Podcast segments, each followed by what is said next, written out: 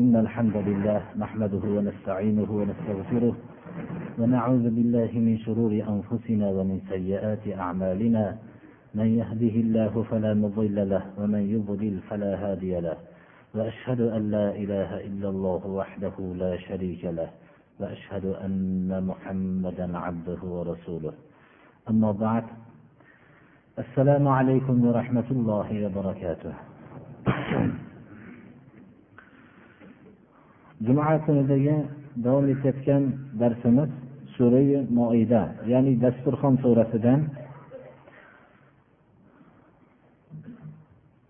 Bugungi darsimizda navbatdagi darsimizda alloh subhanahu va taolo bashariyatning avvalgi tarixida sodir bo'lgan mash'um bir voqeani bizni yodimizga olishlikni rasululloh sollallohu alayhi vasallamga alloh subhanahu va taolo farmon beradiki tilovat qilib o'qib bering deb alloh subhanahu va taoloning marhamati bashariyatning avvalgi tarixidagi voqeada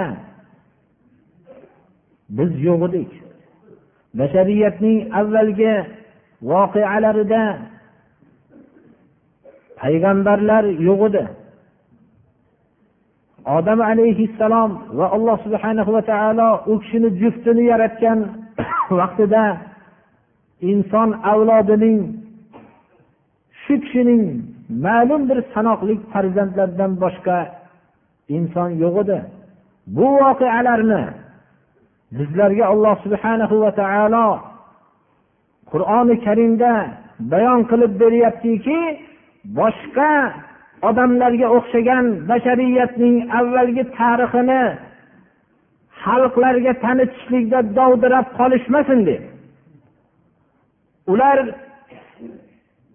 ma'nosiz bir tagi puch bo'lgan tarixlar bilan insoniyatni aldab yuradigan kishilarning aldovlariga aldanib qolmaslik uchun bizlar agar johiliyat tarafidan bashariyatning avvalgini avvalini tushuntirgan tarixlarni bilar ekanmiz. Alloh subhana va taoloning bizga bergan qur'oni karimni qanchalik katta ne'matligini bilamiz.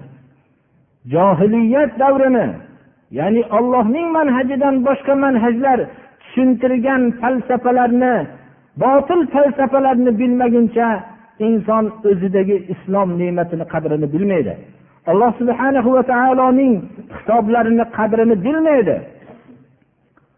U tushuntirilgan falsafalar o'z öz o'zidan eskib chirib yo'q bo'lib boraveradi.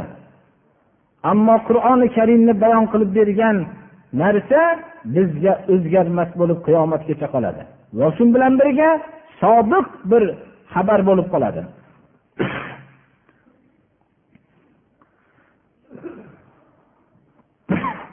واتل عليهم نبأ ابني آدم بالحق. إذ قربا قربانا فتقبل من أحدهما ولم يتقبل من الآخر. قال لأقتلنك. قال إنما يتقبل الله من المتقين.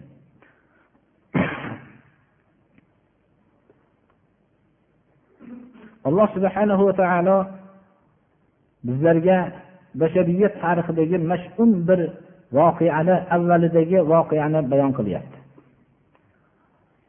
Bundagi insonning qalbidagi hasad qanchalik darajaga insonni olib chiqib qo'yishligini bilan bizlarni ogohlantiryapti. Hasad xuddi temirga tushgan zanga o'xshaydiki u temir xohlasa ham xohlamasa ham yeb boraveradi. Alloh subhana va taolo odam alayhissalomni yaratdi.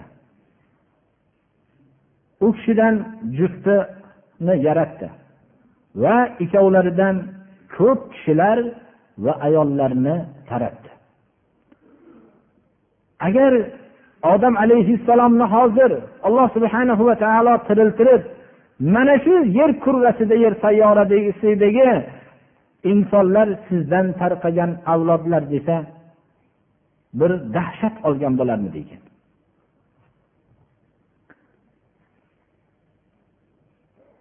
Bu kishining odam alayhissalomning ikki o'g'li bo'lganligini ya'ni boshqa farzandlarni albatta bo'lganligi muqarrar lekin bizga bayon qilinayotgan narsa alloh subhana va taolo odam alayhissalomning ikki o'g'li o'rtasidagi bo'lgan voqeani bildiryapti. Va bittalarida pok taqvo oliy bir insonning namunasini ko'rsatyapti.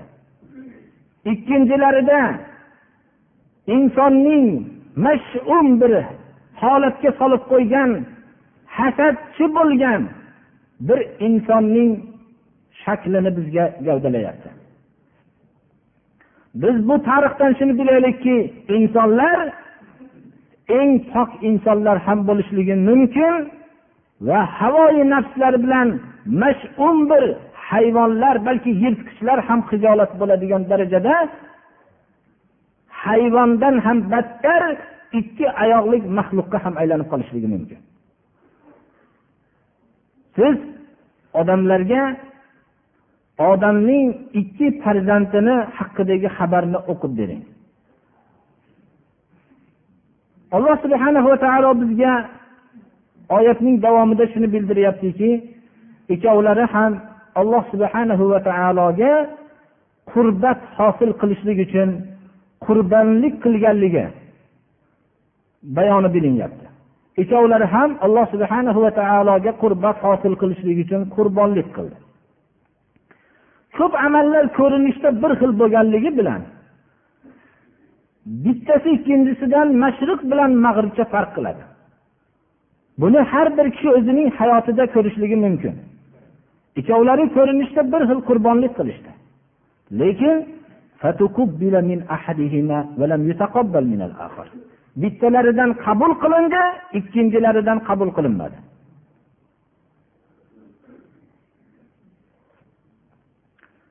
Birinchilari komil bir taqvo bilan allohga xolis bir niyat bilan va amalning to'g'ri qilganliklari bilan qur'oni karim bizga buni xullas qilib taqvoli kishidan qabul qiladi olloh degan oyatdan shu ma'lum bo'ladiki bu yerda ixlos va to'g'rilik bilan qilganligi uchun olloh qabul qilganligini xuddi shu suratdagi amallarda taqvo bo'lmaganligi uchun ya'ni to'g'ri va ixlos bo'lmaganligi uchun yo ikkovidan bittasi topilmaganligi uchun ollohni qabul qilmaganligini insonni hasad shu darajaga olib chiqishligiki bir kishining hech qanday aybi bo'lmasa ham uning ro'barasidagi turgan inson bunga hasad qilib hatto uni qatl qilish darajasigacha hasad qilishligi mumkinligini bayon qilyapti.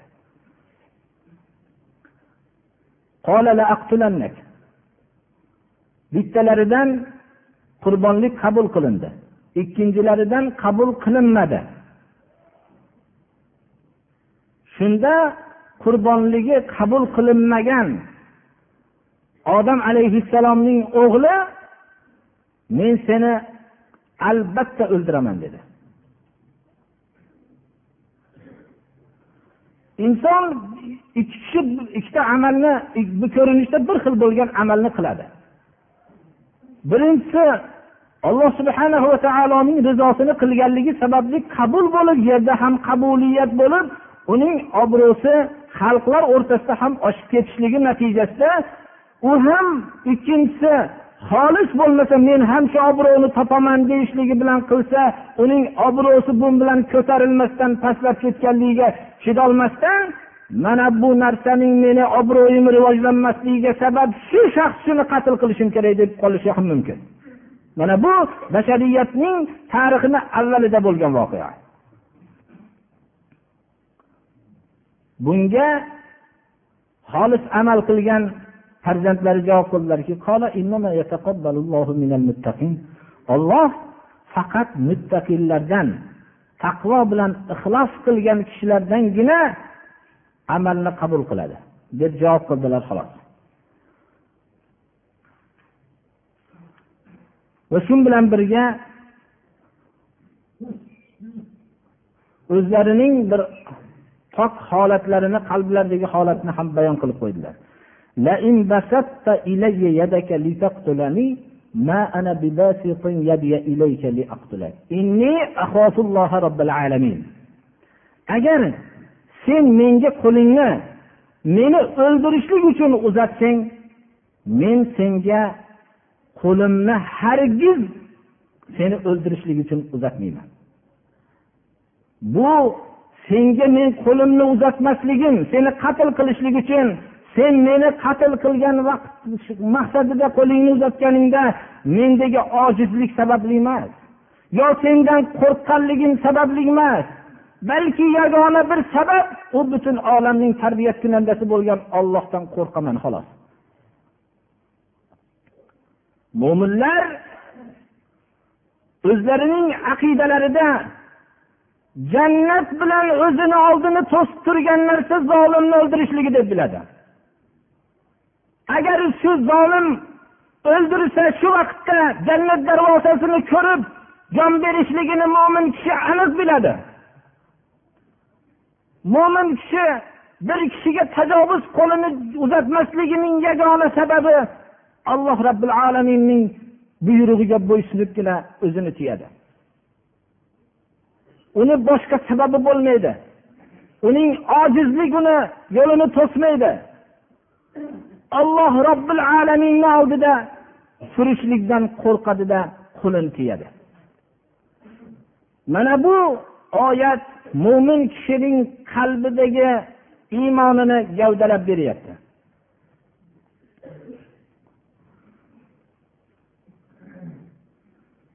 إني أريد أن تبوء باسمي واسمك فتكون من أصحاب النار وذلك جزاء الظالمين من meni gunohim va o'zingni gunohing bilan qaytishligingni maqsad qilaman. Sen seni gunohing birinchi menga hasad qilganliging amalingni xolis qilmaganliging va menga xolis qilmaslik sababli qabul bo'lmagan amaling sababli meni qatl qilishlikka qo'lingni uzatishliging mana bu gunohing bilan. Va mening xatolarimni ham olib sen qatl qilganliging sababli men gunohdan pok bo'lib ketaman alloh robbil alaminni oldiga sen meni gunohlarim bilan ham o'zingni gunohlaring bilan ham qaytasan. Shu sababli do'zax ahllaridan bo'lasan. Bu do'zax zolimlarning jazosidir.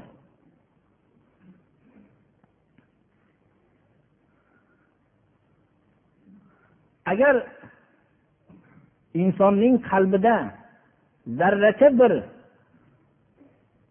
iymon bo'lib qalbida bir yaxshilikdan bir namuna bo'lsa shu gap ta'sir qiladi. Olloh robbil alamin bilan ogohlantirilganda ogohlanmagan qalb hech qachon ogohlanmaydi.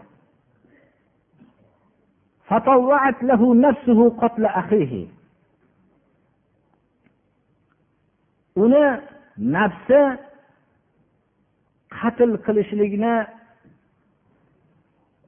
unga uni bo'ysundirib qo'ydi. Nafsi qatlga bo'ysundirdi uni. Kimni qatl qilishlikka? O'zining tug'ishgan birodari. O'zining birodarini ahihi deb kalimasi birodar deb kelyapti. Birodarini qatl qilib o'ldirishlikka ham nafsi bo'ysundirib qo'ydi. Insonni hasad shu darajaga olib chiqishligi mumkin. Va o'ldirdi. Ziyonkorlardan bo'ldi.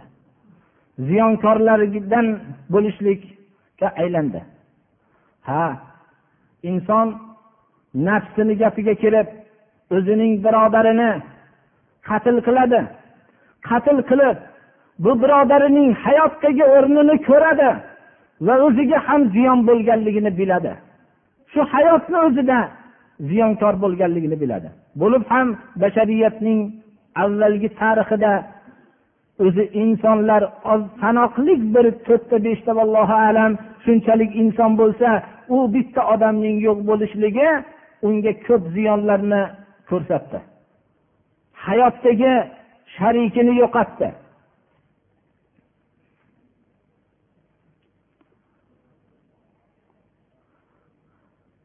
Ana u ziyonkor bo'lganligini insonning tirik holatda ro'barusida turgan insonning uning jasadidan ruh chiqib ketgan vaqtida hayotdan judo bo'lganda u bir og'ir bir yuk balki ozgina fursat o'tishligi bilan badbo'ylanib borib hatto bundan qochib qutulishlikka qayerga qochishligini bilolmaydigan bir holat paydo bo'lishligini ko'rdi.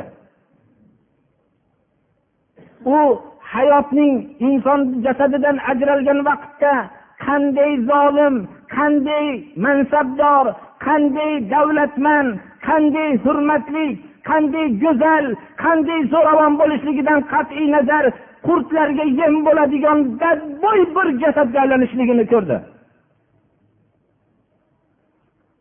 Hayotida o'zini zo'ravon sanab davlatman sanab odamlarning kamsitib yurgan o'zining millatini tanimagan zolim ham jasadidan ajralishligi bilan badbo'y bir hatto farzandi ham ro'barosida to'g'ri turmasdan butun og'zi burnini bekitib uning hidiga hatto hojatxonadagi hidga chidagan o'g'li ham uning dadasini mehribon dadasining jasadini badbo'yligiga chidolmaydigan holatga tushishligini bildi.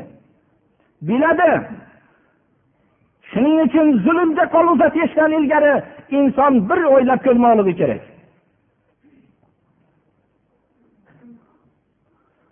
Alloh subhanahu va taoloning hikmati bu o'zini o'ldirishlik bilan faxrlanib turgan qotilni o'zining ojizligini oldida turgizib qo'yishlikni iroda qildi.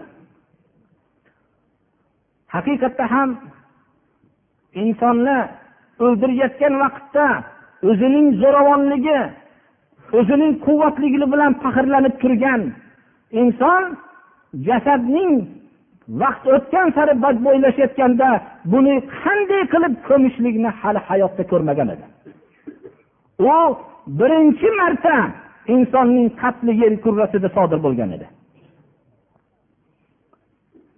Alloh subhanahu va taolo uning bir go'ng tutib yurgan qarg'acha ongi yo'q ekanligini ko'rsatishlikni olloh iroda qildi.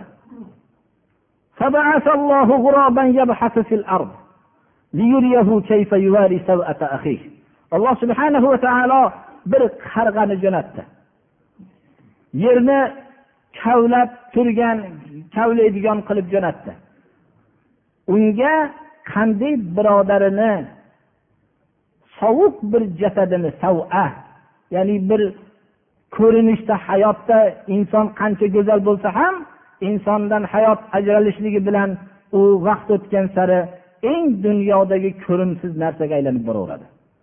Inson eshakni ko'rib jirkanmaydi. Inson har bir narsani ko'rsa ham jirkanmaydi ammo jasadni ma'lum bir vaqt turib qolgandan keyin ko'rsa uni hech ko'rib chidab turolmaydi ana shunda o'zining birodarini sovuq jasadini qanday o'rab ko'mishlikni o'rgatib qo'yishligi uchun bir qarg'ani jo'natdi. Qarg'a! Bir zaif bir kichkina oddiy qush go'nglarni titib yuradigan bir qarg'ani oldida o'zini ojizligini ko'rsatishligini olloh iroda qildi. Shu oyatdan ma'lum bo'ladiki bir qarg'a kelib biror bir o'lgan qarg'ani shu yerda kavlab turib shu yerni ustiga turpoq tortib ko'mib ketganligini olloh ko'rsatganligiga dalolat qiladi.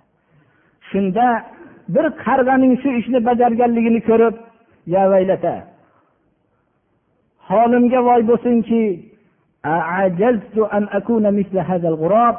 shu qarg'acha bo'lishlikdan ojiz bo'ldimmi?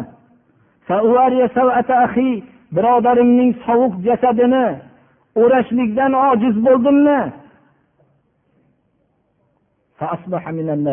Shu bilan ko'p nadomat qiluvchilardan bo'lishga aylandi.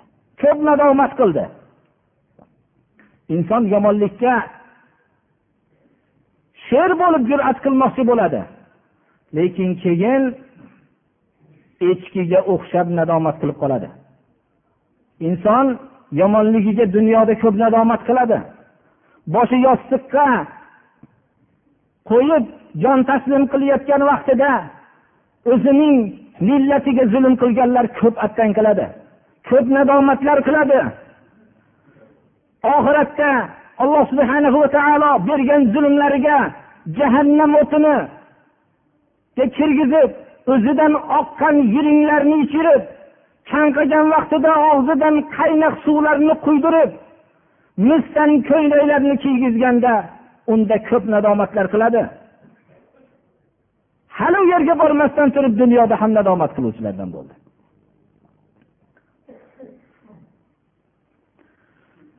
Bu haqda ko'p ba'zi turkiy kitoblarda ko'p rivoyatlar keladi. Biz bu rivoyatlarning hammasini kengaytirib aytishligimiz mumkin emas. Chunki bashariyatning avvalgi tarixida bo'lgan voqea faqat alloh subhanahu va taoloning xabari va rasuli sollallohu alayhi vasallamning xabarlaridan boshqa xabar bilan biz isbotlashligimiz mumkin emas. Faqat ikkala xabargagina suyanishligimiz kerak. Ba'zi bir kishilar bu haqda ko'p uzundan uzun hikoyalarni eshitishgan bilishganlar shuga ko'p tilni olib borishlik to'g'ri emas birodarlar. Rasululloh sollallohu alayhi vasallamdan bu qissa haqida bitta hadisi sahih kelganlarki bu abdulloh ibn masudning rivoyatlaridan rasululloh sollallohu alayhi vasallamdan rivoyat qilingan bu hadisni abdulloh ibn masud rivoyat qiladilar imom ahmad ibn hambal o'zlarining musnatlarida keltirganlar payg'ambarimiz sollallohu alayhi vasallam aytdilarki لا تقتل نفس ظل لا تقتل نفس ظلما إلا, إلا كان على ابن آدم الأول كفل من دمها لأنه كان أول من سن القتل zulman qaysi bir kishi o'ldirilsa to qiyomatgacha qachonki bir kishi zulman o'ldirilsa alloh subhanahu va taolo tarafidan shu odam alayhissalomning shu o'ldirgan birinchi farzandiga ya'ni birinchi ikkita o'g'illardan bittasi qatlni boshlaganligi uchun gunoh shunga albatta borib turadi. Birodarlar biz bundan bilishimiz kerak. Qaysi bir kishi yomon yo'lni shariatga xilof bo'lgan yo'lni agar tutsa qiyomatgacha shuni qilgan odamlardan gunoh kelib turadi shunga. Chunki birinchi insonni qatl qilishlikni boshlagan shu farzandidan.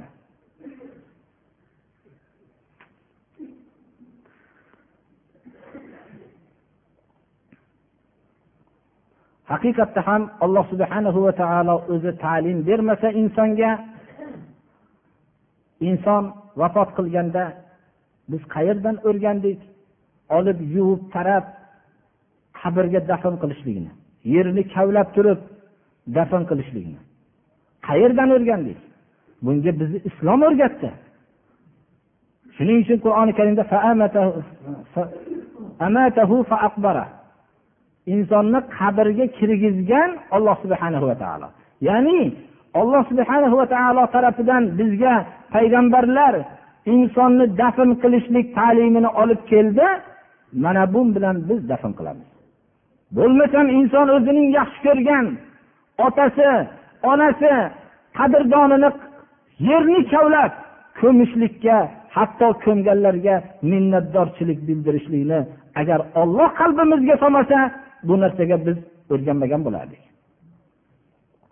Hatto qabrga dafn qilib dafnda ishtirok etgan odamlarga o'zimizni ota onalarimizni dafn qilishda ishtirok etib turpoq topgan odamlarga o'zimizni minnatdorligimizni bildiramiz. Va shu dafn qilgan kishiga islom shariati tarafidan ajr borligini bilib biz ham turpoq tortishlikka haris bo'lamiz. Mana bu narsa alloh subhanahu va taolo bizga ta'lim bergan yo'ldir.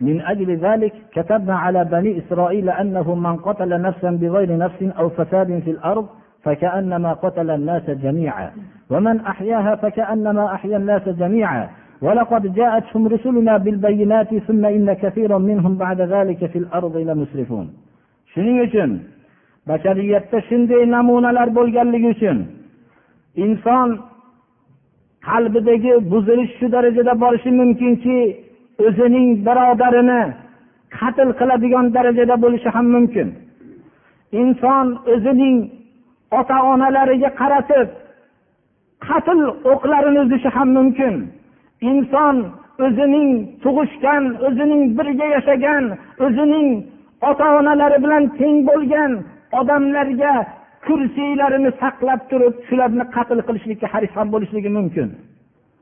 Mana bu narsani biz o'zimizning uzun tarix va yaqin tariximizda guvohi bo'lib turibmiz. Mana bu narsa birodarlar shuning uchun alloh subhanahu va taolo banu isroilga kitobat qilib farz qildikki deydi.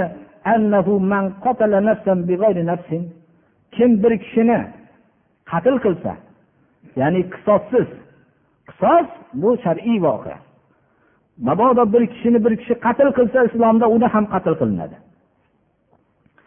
Kim qisossiz birovni qatl qilsa yoinki yerda buzg'unchilik qilib birovni qatl qilsa go'yoki shu odam hamma kishini qatl qildi uning gunohi shuncha kattaki hamma odamni qatl qildi bir odamni nohaq qatl qilgan odam tamomiy insoniyatni qatl qildi nima uchun chunki insonning hayot alloh subhanahu va taolo tarafidan berilgan yashash haqqi hurmatini uning poymol qildi odamlar shu bilan demak bizlarning ham nohaq qatl qilinishligimiz bor ekanda deb shu vaqtda insonlardagi ruh o'zi cho'kib ketadi. Shu vaqtdagina ular endi bu hayot degan narsani xohlagan kishi yo'qotib tashlayverar ekanda degan ma'no hayotda paydo bo'ladi. Shuning uchun bir kishini nohaq qatl qilgan odam yo uni tarafidan buzg'unchilik sodir bo'lmasdan turib nohaq qatl qilgan bo'lsa go'yoki hamma odamlarning qatl qilgandek katta gunohkori bo'libdi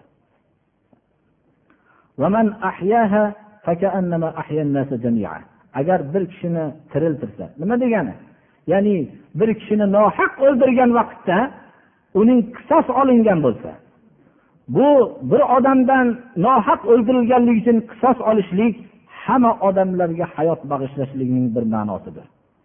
go'yoki odamlarning hammasini yashatibdi ya'ni tiriltirgandek savobga ega bo'libdi nima uchun odamlar agar bir odamga qatl qo'lini cho'zadigan bo'lsa o'zining ham qatl qilinishligini biladigan bo'lsa u tajovuz qo'lini cho'zmaydi shu bilan odamlar osoyishta farovon yashaydi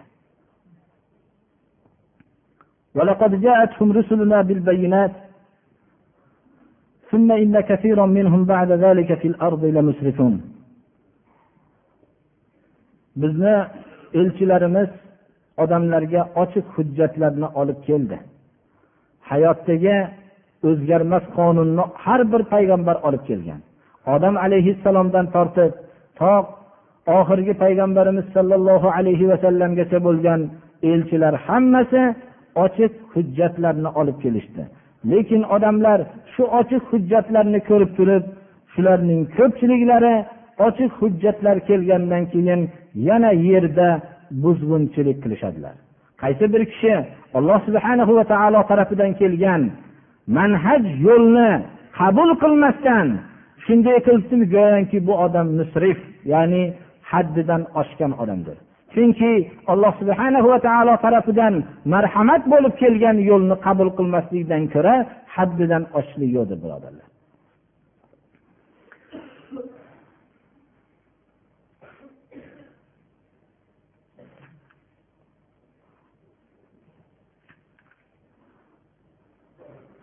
Mana bu namuna to qiyomatgacha insonlarning ikki namunasi davom etadi.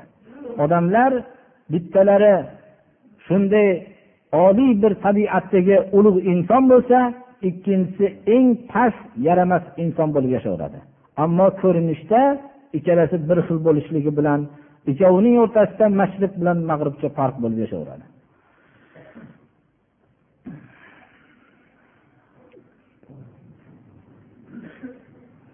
o'zi shunday katta gunohlarni qilishlikdan olloh saqlasin. mo'min birodarlarni hammasini alloh subhanahu va taolo shunday katta bir tajovuz qilishliklardan o'zi saqlasin alloh subhanahu va taolo mo'minlarni ham tajovuzlardan o'zi saqlasin اهدنا الصراط المستقيم صراط الذين أنعمت عليهم غير المغضوب عليهم ولا الضالين biz birodarlarimiz bemorlarni duo qilishlik maqsadlar ba'zilar ilm olmoqchi ekan alloh subhanahu va taolo bemorlarga shifo bersin ilm olmoqchi bo'lgan kishilarga alloh taolo ilm bersin. Qabrlarni ustiga bu narsa qilishlik to'g'risida javob qilganmiz birodarlar. Lekin bu yerda faqat yog'ochni so'rashilibdi. Biz endi shu atrofiga shu bino qilish mana shunaqa qilishlardan islom bizni qaytargan shu. Ho'p yana ba'zi birodarimiz doimo duo qilyapmiz birinchi martaba kelgan kishilarni alloh subhanahu va taolo islomda barqaror qilsin allohni ibodatiga muhabbatli qilsin. Alloh subhanahu va taolo hammalarini ham haq yo'lda barqaror qilsin. Va farishtalari qilgan amalga mo'minlarni taklif qildi va qur'oni karimda rasululloh sollallohu alayhi vasallamga salovat aytishlikka buyurdi.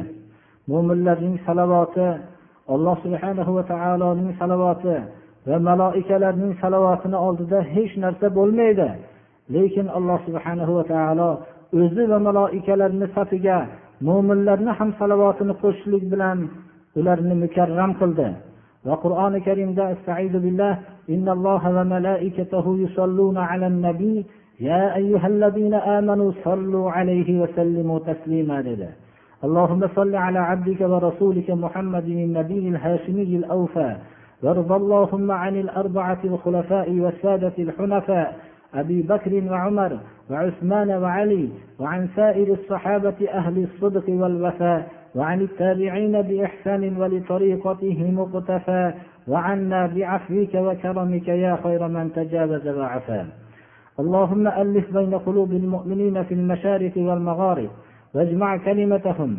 اللهم عليك أعداءك أعداء هذا الدين. اللهم أهلك الكفرة الذين يكذبون رسلك ويصدون عن سبيلك ويقاتلون أولياءك اللهم خالف بين كلمتهم وزلزل أقدامهم وأنزل بهم بأسك الذي لا ترده عن القوم المجرمين. اللهم أعز الإسلام والمسلمين وأذل الشرك والمشركين واحم حوزة الدين. اللهم دمر أعداء الدين. اللهم دمر أعداء الدين. اللهم دمر أعداء الدين. فاذكروا الله العظيم الجليل يذكركم واشكروه على نعمه التي لا تحصى يزيدكم ولذكر الله أكبر والله يعلم ما تصنعون. اللهم تقبل منا هذه الصلاة. واعف عنا مع جميع نقصاناتها بفضلك وكرمك. يا يا أرحم الراحمين. اللهم يسر لنا أمورنا امور الدنيا والآخرة وأجرنا من خزي الدنيا وعذاب الآخرة. ربنا لا تجعلنا فتنة للقوم الظالمين ونجنا برحمتك من القوم الكافرين. ربنا اغفر لنا ذنوبنا وإسرافنا في أمرنا وثبت أقدامنا وانصرنا على القوم الكافرين. اللهم إنا نعوذ بك من الكفر والفقر والجبن والكسل ومن فتنة المحيا ومن فتنة الممات ومن فتنة المحيا ومن فتنة الممات ومن فتنة المسيح الدجال ومن فتنة عذاب القبر والمرد إلى أرض العمر اللهم حبب إلينا الإيمان وزينه في قلوبنا وكره إلينا الكفر والفسوق والعصيان واجعلنا من الراشدين وتوفنا مسلمين والحكمة بالصالحين غير خزايا ولا مفتونين. اللهم اهدنا إلى ما فيه صلاحنا وخيريتنا في الدين والدنيا والآخرة. برحمتك يا أرحم الراحمين. بسم الله الرحمن الرحيم. لا يكلف الله نفسا إلا وسعها. لها ما كسبت وعليها ما اكتسبت. ربنا لا تؤاخذنا إن نسينا أو أخطأنا. ربنا ولا تحمل علينا إصرا كما حملته على الذين من قبلنا. ربنا ولا تحملنا ما لا طاقة لنا به. واعف عنا واغفر لنا وارحمنا أنت مولانا فانصرنا على القوم الكافرين. سبحان ربك رب العزة عما يصفون وسلام على المرسلين والحمد لله رب العالمين. اللهم تقبل منا إنك أنت السميع العليم. اللهم ارحمنا بالقرآن العظيم واجعله لنا ولا علينا حجة يا رب العالمين. الله أكبر. آمين. الله سبحانه وتعالى. تقبل منا إنك